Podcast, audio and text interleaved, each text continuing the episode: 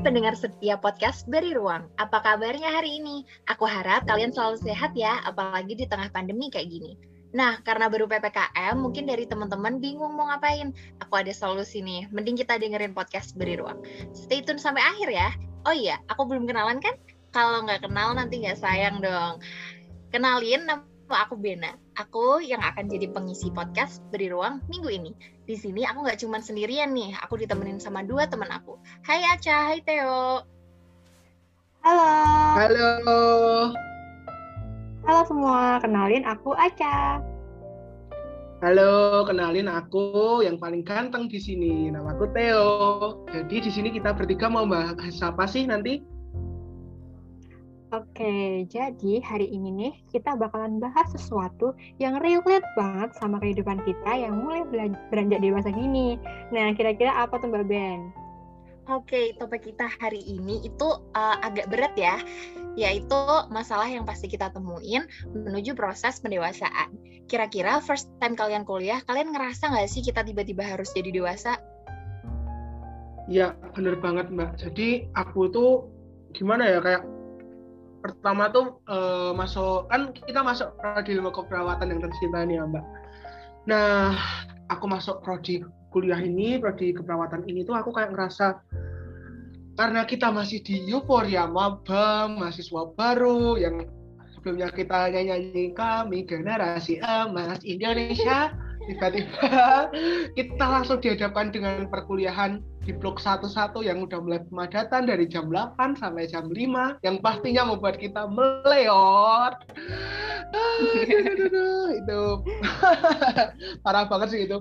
Lalu uh, loh aku masuk di prodi keperawatan ini kayak aku ngerasa gimana ya kayak pertama tuh aku dianggap sama anak-anak ya anak-anak Ika selain aku itu aku anaknya alim. Aku anaknya pendiam aku anaknya ambis padahal aku berkebalikan ya yang aku seperti dakcal seperti ini.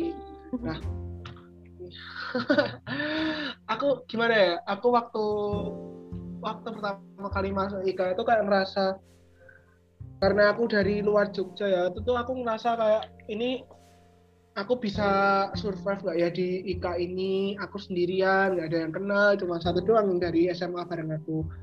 Nah seiring berjalannya waktu karena ini pandemi juga ya uh, Mbak Bena Aca nah itu aku ngerasa sendirian nggak nggak punya temen buat curhat buat ketemu langsung gitu. Terus juga terkait di akademikku waduh mungkin Mbak Bena sama Aca juga ngalamin ya yang namanya blok 1.3 tahu kan kalian. ngalamin, ngalamin uh, banget. parah kan? Itu tuh aku bener-bener kayak ini apaan sih? Aku dua jam kuliah tuh kayak hahaha tahu-tahu selesai. Tempat juga kepik tempat juga kepikiran. Tahun depan aku nyoba lagi nggak? Ya buat SPM lagi. Tempat kepikiran gitu juga. Nah terus ya ya hasilnya juga ketebak. Aku AP juga jeblok nilaiku MUT juga. Tapi ya karena aku pinter nih jadinya aku MUT nggak dua kali dong oh, nah keren itu banget. Ya keren dong tepuk tangan Mantap, nah itu dari aku kayak gitu waktu pengalamanku pertama kali kuliah itu.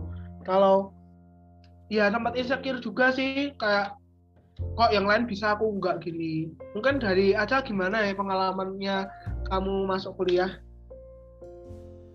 Oke, jadi sebenarnya apa yang aku alami ini sama nih kayak Theo tadi. Jadi kan ngasain sendiri, terus ngasain susah gitu buat uh, mulai beradaptasi ke teman-teman yang lain gitu tuh kayak sulit banget gitu kan. Apalagi nih uh, pertama kali masuk kuliah dengan uh, lingkungan yang baru dari SMA tapi ternyata harus daring gitu. Dan kayak ngerasa sendiri gitu loh. Kan kita kan kalau misalkan biasanya nih kita tuh kuliah tuh ketemu sama teman-teman gitu kan. Bisa ke sana kemari gitu loh. Bisa jalan-jalan atau gimana. Tapi kalau sekarang cuma di rumah dan segala kegiatan tuh dilakuin cuma sama jadet gitu loh. Jadi cuma berdua cuma nggak berdua sih sendiri ya itu. Cuma sendirian. Jadi kalau misalkan ngerasain uh, capek tuh ya cuma capek sendiri gitu loh. Apalagi nih dari PPSMB awal tuh kan udah daring juga kan ya. Dan sedih banget gitu loh nggak bisa ngerasain euforia PPSMB gimana uh, bisa ketemu sama teman-teman baru tapi ternyata cuma bisa virtual gitu dan itu sedih banget gitu. Kan ketika lagi uh, ngerasain susahnya misalkan nih lagi sibuk atau bingung ngerjain gimana tugas-tugasnya itu nanti cuma kayak ngerasain sendiri gitu. Dan uh, jujur aku nih tipe orang yang lebih suka ketemu langsung gitu loh untuk berekspresi untuk ngobrol. Tapi ketika segalanya terbatas cuma daring kayak gini tuh agak sulit gitu buat beradaptasi sama lingkungan baru gitu. Dan apalagi waktu pertama kali kuliah itu kan udah dapet yang namanya sistem pemadatan. Wah aduh nggak tahu lagi bener-bener di depan laptop dari pagi sampai sore kuliah full Senin sampai Jumat itu bener-bener yang kayak aduh ya ampun ini capek banget gitu kan rasanya sendirian dia nggak sih? Theo dan Mbak Bena dan ya, itu capek banget. banget nah kan dan jadi sedih banget gitu loh. Ini tuh terus lihat teman-teman yang lain tuh kok kayaknya udah pada paham gitu udah pada ngerti udah pada mulai tanya ini itu gitu kan. Tapi kok aku di sini nih kayak susah gitu loh buat memahami gitu. Dan aku jadi kayak sendirian kayak ini tuh yang capek atau yang kesal tuh cuma aku sendiri gitu apa gimana gitu loh. Jadi sedih nggak bisa eh, nggak uh, bisa ngomong ke siapa-siapa gitu kan. Terus kalau misalkan mau tanya ke teman-teman yang lain juga agak takutnya nih mereka risih atau gimana kayak gitu. Dan juga aku tuh eh, kadang-kadang bandingin nih sama teman-teman di jurusan lain. Kayaknya tuh mereka kuliahnya nggak sampai full banget gitu. Jadi kayak yang aduh kayaknya aku tuh capek sendirian gitu loh sampai sekarang gitu. Nah terus uh, kayak yang apa ya terlalu capek gitu loh. Kayak yang nggak ber, ber, berkesudahan gitu. Kadang-kadang dulu nih awal-awal sering banget kayak pertamanya tuh nangis gitu mulai kuliah nangis pulang kuliah nangis gitu-gitu loh ya sih? Iya, bener-bener yang sedih karena nggak tahu harus cerita ke mana dan segalanya tuh bener-bener terbatas kayak gitu. Nah kalau mbak Bena sendiri gimana nih mbak? Oke, okay. uh, eh, karena kebetulan kita beda tahun ya, uh, aku sama Aca sama Theo kebetulan aku start uh, mulai awal kuliah itu sebelum pandemi jadi aku masih sempat ngerasain euforia dari P, uh, PPSMB dan juga uh, sempat ketemu sama teman-teman kuliah dan sempat ngekos di Jogja juga. Nah, tapi apa yang aku rasain itu berkebalikan nih sama yang uh, mungkin teman-teman kira kayak uh, pasti senang banget pertama kali uh, merantau dan lain sebagainya. Tapi apa yang aku rasain itu aku benar-benar bingung dan uh, banyak sedihnya karena itu pertama kali aku tinggal uh, di kota lain dan harus mengurus semuanya sendiri mulai dari makan, transport, uh, ngerjain tugas, struggle sendiri dan lain sebagainya. Itu benar-benar bikin aku mikir harus berkali-kali lipat dan itu bikin aku uh, benar-benar ngerasa apa ya semuanya berat banget gitu. Itu salah satu menurut aku kalau aku bisa bilang itu salah satu waktu-waktu terberat aku mungkin untuk beberapa bulan awal uh, kuliah itu benar-benar berat banget. Dan yang hal utama yang paling aku rasain itu adalah kesepian karena nggak ada uh, aku ngerasa nggak ada orang yang bisa bikin aku happy di sana. Aku ngerasa aku nggak ada temen di sana. Aku ngerasa nggak ada yang bisa bikin aku nyaman nih di kota uh, di kota Jogja gitu. Jadi uh, apa ya banyak yang kurang lebih yang aku rasain tuh kayak uh, aku mulai menarik diri dari lingkungan sosial aku mulai uh, gak makan terus habis itu aku isinya nangis doang itu uh, bener-bener black hole sih waktu-waktu black hole menurut aku gitu uh, mungkin dari Aca ada tambahan atau gimana? Oh aku nggak nggak kebayang sih kalau jadi mbak Bena karena bener-bener jauh dari orang tua nggak sih mbak? Jadi homesick parah gitu nggak sih? Bener banget bener banget. Homesicknya kerasa banget sih parah. Ya emang aduh aku mungkin bisa dibilang kayak agak mending ya kalau dibandingin dengan sama mbak Bena nih yang harus mungkin agak harus jauh gitu ya mungkin dari orang tua kalau misalkan memang harus kuliah secara offline gitu. Nah jadi kalau tadi kita dengerin nih kita juga tiap masing-masing banyak struggle-nya gitu kan ya. Nah, tapi ini sebenarnya nih ya menurut aku yang paling penting itu adalah kita mencoba untuk percaya dengan diri sendiri gitu. Ya kan apalagi di kondisi sekarang kita kayak cuma apa sih dibilang berpegangan sama diri sendiri gitu. Jadi kalau misalkan kita sendiri nggak percaya sama diri kita, ya siapa lagi gitu kan. Nah jadi penting banget buat yakin sama diri sendiri bahwa sebenarnya kita tuh bisa loh. Kita tuh sebenarnya mampu untuk menyelesaikan itu gitu. Nah mungkin awal-awalnya kita mungkin nangis nih, mungkin kita kayak sedih aduh ini gimana aku takut nggak bisa aku takut nggak bisa survive dan segala macamnya kayak gitu tapi sebenarnya kalau misalkan kita bisa uh, mencoba untuk percaya bahwa kita bisa itu nanti pasti bakalan selesai. Nanti ketika udah selesai nih tugasnya ntar mesti kayak mikir oh iya ya ternyata aku juga bisa selesai juga gitu loh. Dan kayak kemarin aku nangis-nangis ngapain gitu ya kayak gitu. Jadi uh, mungkin selalu diingat gitu loh bahwa kita tuh perlu gitu buat percaya sama diri kita bahwa kita tuh bisa. Nah, terus juga selain itu kan tadi aku juga ngerasain ya tadi kita kayak ngerasa sendiri, ngerasa kesepian gitu. Nah, mungkin kita bisa nih buat ikutan kegiatan-kegiatan uh, mahasiswa nih, misalnya kayak volunteer atau organisasi. Nah, kayak aku nih, aku ikut organisasi di Himika. Nah, itu bener-bener membantu banget karena kita kan di sini nggak nggak nggak ngomongin kuliah gitu kan ya. Jadi kayak ketika kita rapat kadang-kadang kita tuh bisa sambil curcol gitu loh. Ya nggak sih mbak? Sama Theo. Kita jadi kayak sering curhat bareng gimana hektiknya hari itu Betul. dan sering iya kan berbagi kayak bener, gitu bener, bener, bener. kayak gitu. Dan itu bener-bener uh, apa ya bikin kita tahu bahwa oh ternyata kita tuh nggak sendirian loh sebenarnya. Sebenarnya di luar sana tuh juga ada yang sama kayak kita gitu. Jadi ada tempat untuk berbagi kayak gitu.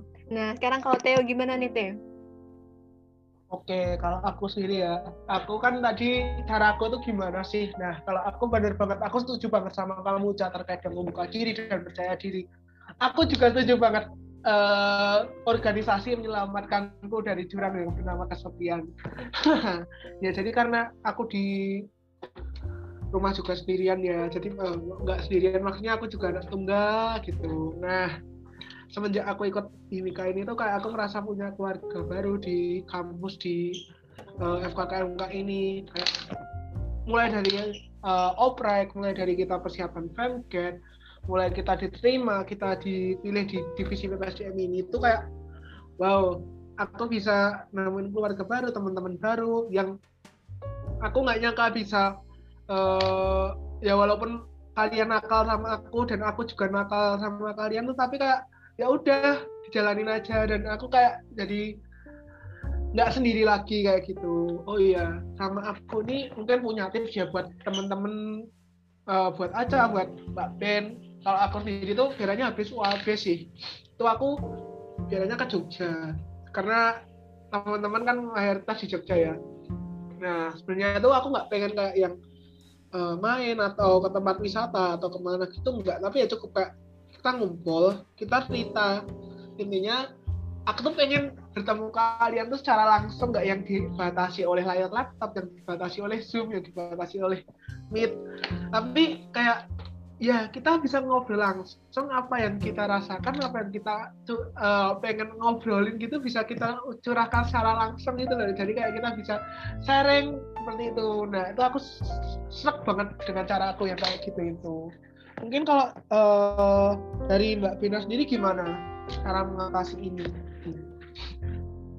Oke, aku denger uh, Aca sama Theo cerita-cerita tentang gimana caranya menghadapi masalah tuh bener-bener ini ya. Ternyata bervariatif ya, nggak cuman uh, satu satu apa ya satu jalan itu uh, tapi banyak banget jalan untuk bisa keluar dari struggle-nya masing-masing. Nah, uh, aku setuju juga sama apa yang dibilang sama Theo sama Aca. Aku juga pas kuliah itu uh, gimana caranya mengatasi itu semua itu ya mulai ngebuka diri ke uh, teman-teman aku, ke orang-orang di sekitar aku. Karena ketika aku merasa kesepian waktu itu, aku mulai nggak percaya sama orang-orang dan aku menganggap yang bisa bikin aku bahagia adalah orang-orang rumah orang-orang uh, terdekat aku dulu kayak teman-teman di uh, salah tiga atau keluargaku dan uh, orang-orang itu tuh kan nggak ada di Jogja. Jadi aku merasa kesepiannya itu uh, berlarut-larut. Nah uh, akhirnya aku mulai ngebuka diri ke teman-teman kuliah yang ada di Jogja. Itu bener-bener aku bahkan masih inget harinya ketika aku uh, mulai ngebuka diri sama orang-orang sekitar dan aku mau cerita itu bener-bener rasanya lega banget dan uh, ngerasa kayak masalahnya itu udah selesai. Padahal kan masalahnya nggak selesai nggak uh, selesai juga kan. Kita cuma cerita ke teman kita tapi kita merasa kayak oh sekarang ada nih yang mau dengerin aku. Oh sekarang ada nih yang uh, bisa bikin aku nyaman di sekitar uh, di di Jogja ini kayak gitu dan itu benar-benar membantu aku untuk growing ke depannya. Kayak gitu sih. Dan kalau misalkan uh, teman-teman yang lagi dengerin nih atau untuk Theo dan juga Aca kalau misalkan struggle dan kalian uh, merasa kayak aduh aku ngerasa nggak ada teman yang bakalan dengerin aku atau nggak ada orang yang bakalan dengerin aku kalian bisa banget cerita sama diri sendiri. Karena meskipun uh, teman-teman nggak bisa dapat feedback dari orang lain tapi teman-teman bisa dapat feedback dari your inner self. Karena uh, secara nggak sengaja pasti kalian akan mengungkapkan hal-hal yang sebenarnya tersembunyi di otak dan di hati kalian kayak gitu. Dan satu lagi, don't blame yourself for being stressed. It is also a part of growing gitu teman-teman. Wih, mantep banget Mbak Bena. Aku setuju banget, banget, banget, banget. Apalagi nih yang, yang tadi nih yang bagian cerita ke siapa pun, boleh ke temen, bahkan ketika mungkin agak takut atau mungkin ragu buat cerita ke siapa pun bisa banget buat cerita ke diri sendiri. Pokoknya intinya jangan pernah dipendem gitu ya. Jangan sampai semua yang mendem sampai menggunung dan kita nggak tahu bakalan bakalan terbuka kapan gitu kan ya. Yes benar banget. Setuju banget. Oke okay, nah mantap Oke, nah sekarang mungkin kita bisa lanjut nih. Um, aku mau tanya deh, kira-kira Mbak Bena sama Theo tuh pernah nggak sih kepikiran kira-kira besok tuh kita bakal gimana gitu? Uh, maksudnya kayak setelah kita lulus itu kita bakalan kayak gimana sih gitu? Arahnya mau ke mana sih gitu? Aku jujur, aku tuh bingung banget gitu. Setiap malam, setiap sebelum tidur nih suka banget overthinking gitu, kepikiran, aduh kira-kira besok bakalan gimana ya gitu kan? Apalagi nih uh, berita tentang pandemi ini tuh masih kayak bener-bener kita nggak tahu kapan selesainya, kapan kelarnya gitu kan.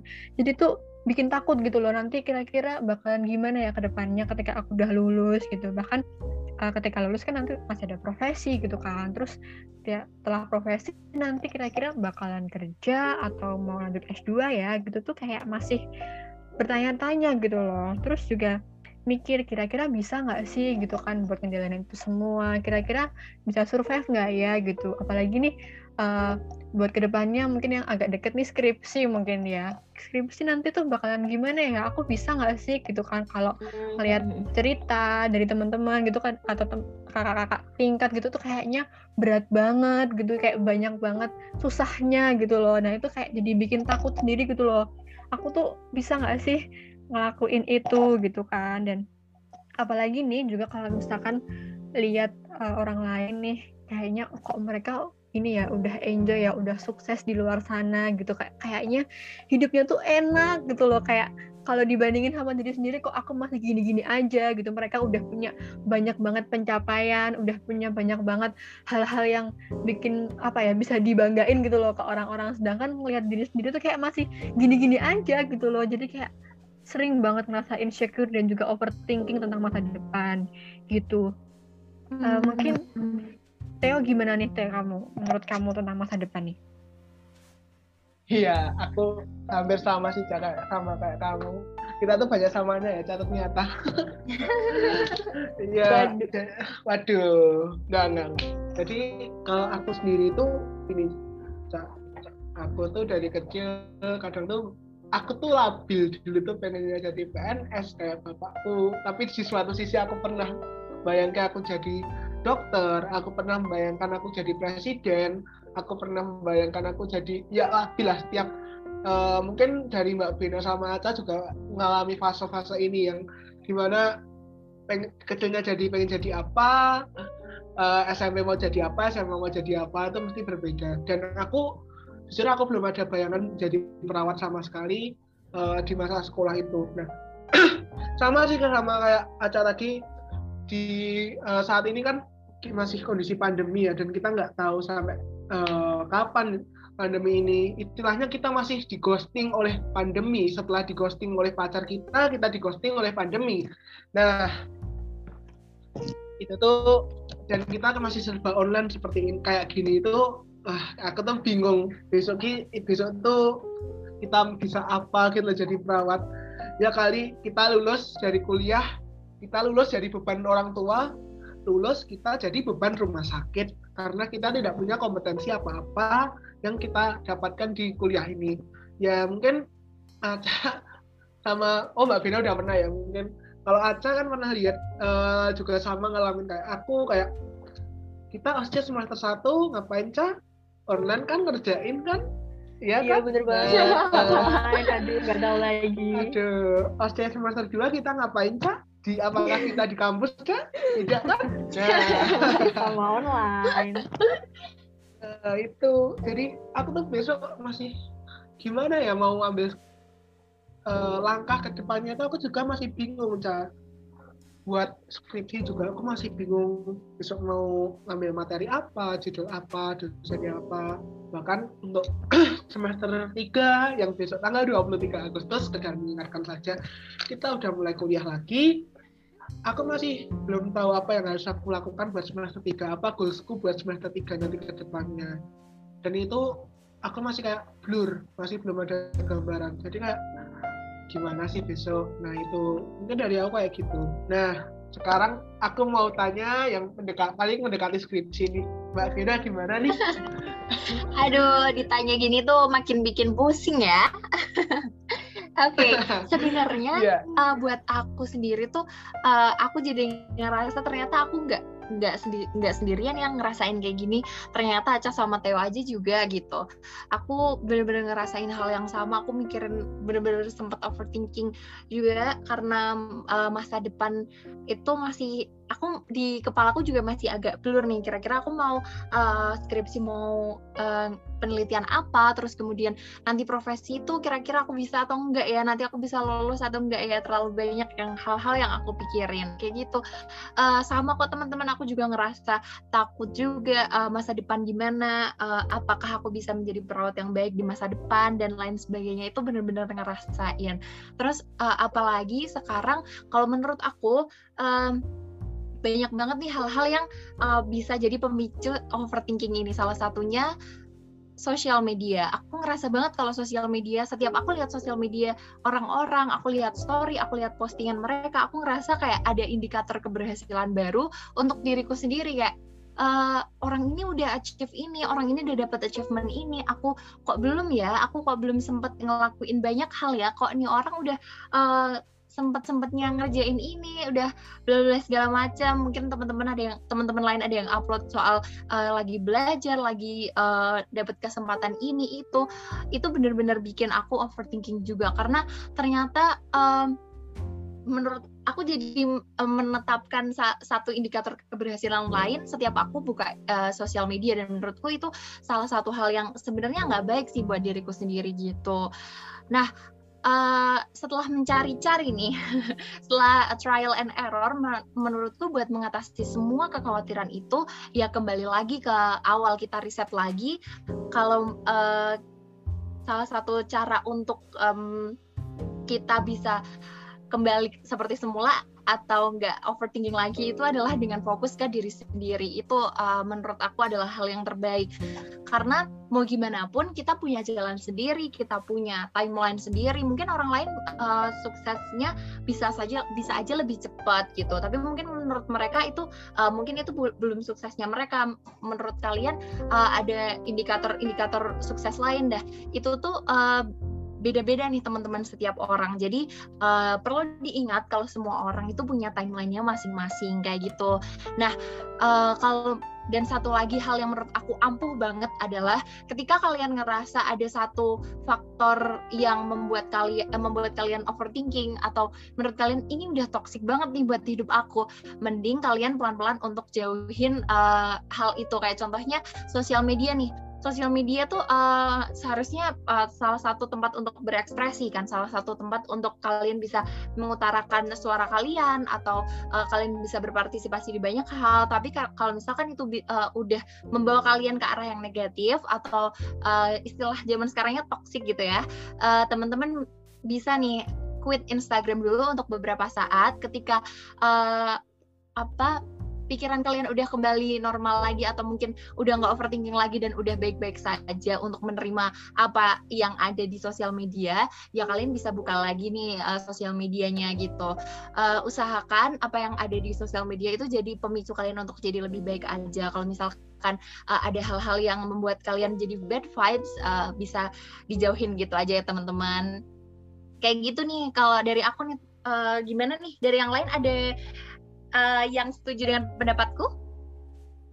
Aku setuju banget mbak Ben. Pokoknya setuju banget beneran setuju banget.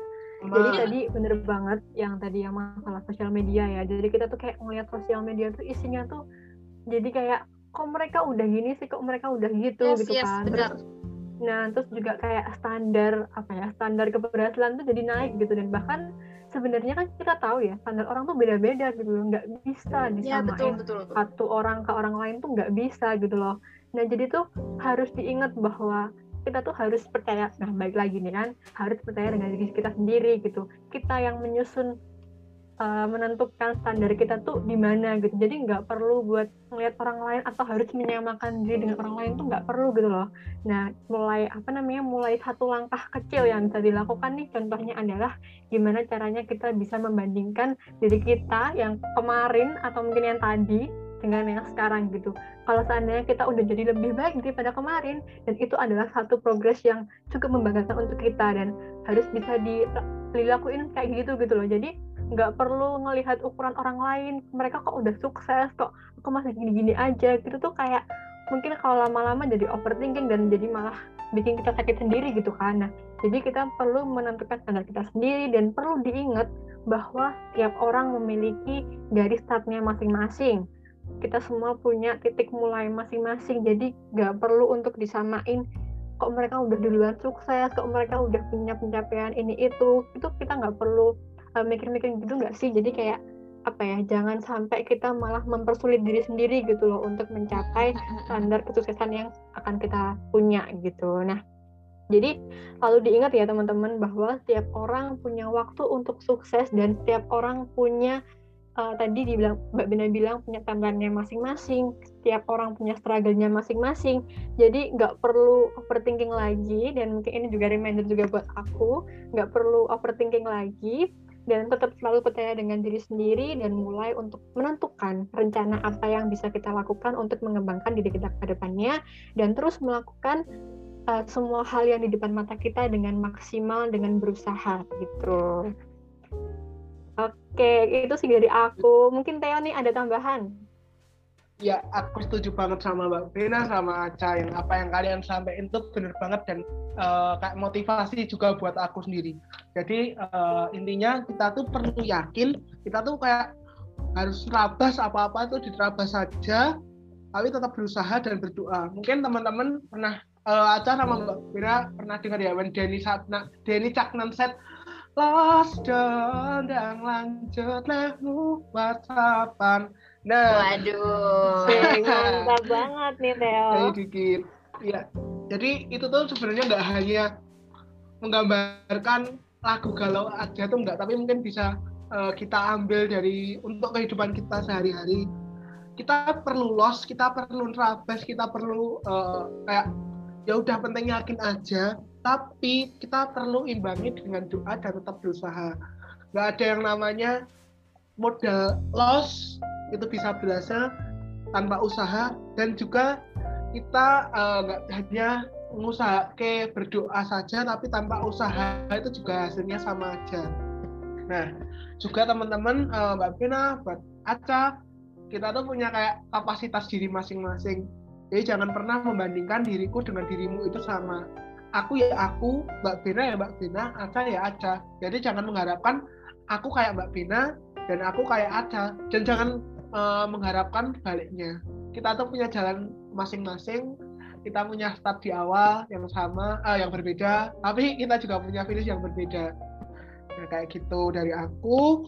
Yang penting intinya kita tuh harus uh, yakin, kita harus mulai pelan-pelan menata hati, menata hidup dan me, uh, menata lebih baik untuk ke depannya supaya lebih maksimal gitu kalau dari aku.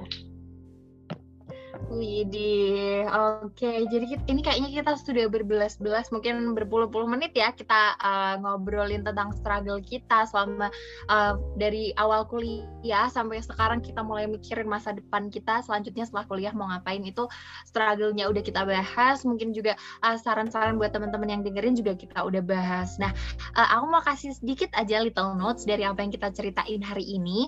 Uh, tiap pijak langkah kita itu bakalan nemuin krisis dan semua orang bakal ngerasain itu.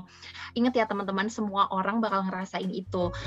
Nah, yang harus diingat adalah semua orang itu punya cara terbaiknya untuk menyelesaikan krisis itu dengan timingnya masing-masing. And one more important thing, tetap ingat kalau nggak ada yang lebih baik dari campur tangan Tuhan di setiap keputusan kita. Wih, keren banget. Nah, teman-teman itu ya diingat ya Little Boss dari Mbak Bena. Nah, teman-teman nggak kerasa ya, kita tuh udah ngobrolin banyak hal dan seru banget pembahasan kita tadi. Nah, kira-kira teman-teman yang lagi dengerin podcast ini merasa senasib apa enggak nih? Nah, semoga dari apa yang tadi udah kita obrolin dan teman-teman juga udah dengar, semoga jadi tercerahkan ya dan semoga teman-teman menemukan solusi terbaik untuk setiap permasalahan versi kalian. Oke, okay, terima kasih buat teman-teman yang udah dengerin kita sampai selesai. Jangan lupa jaga kesehatan ya. Uh, kalau bisa di rumah dulu, jangan lupa pakai dua ma uh, double masker dan juga uh, jauhi kerumunan. Oke, okay? kita kebetulan ada pantun spesial nih. Apa tuh teh? Nah, aku mau nanggapi dulu hindari kerumunan, dekatin aku. Iya. Aduh. Aduh, Ini pantunnya. Ini pantunnya tak nanti uh, jangan kaget ya. Tuku bawang kleru rico. Kadung sayang mau dianggap konco aduh salah lagi ya nih ya. Kontennya yang itu kita aduh bentar aku salah baca. Aku baca, salah baca skrip ini. Oke okay, ini ya, skripnya yang ya? benar. Pengalaman mbak. Oke okay, aku mau pantun tapi nanti dicakepin ya. Cakep cakep gitu ya. Oke? Okay? oke. okay, siap. okay. Oke. Buah kedondong, buah laci. Cakep. Belinya di kota Jogja. Lanjut. Bena Acateo pamit undur diri. Sampai jumpa di podcast PPSDM selanjutnya. Yeay.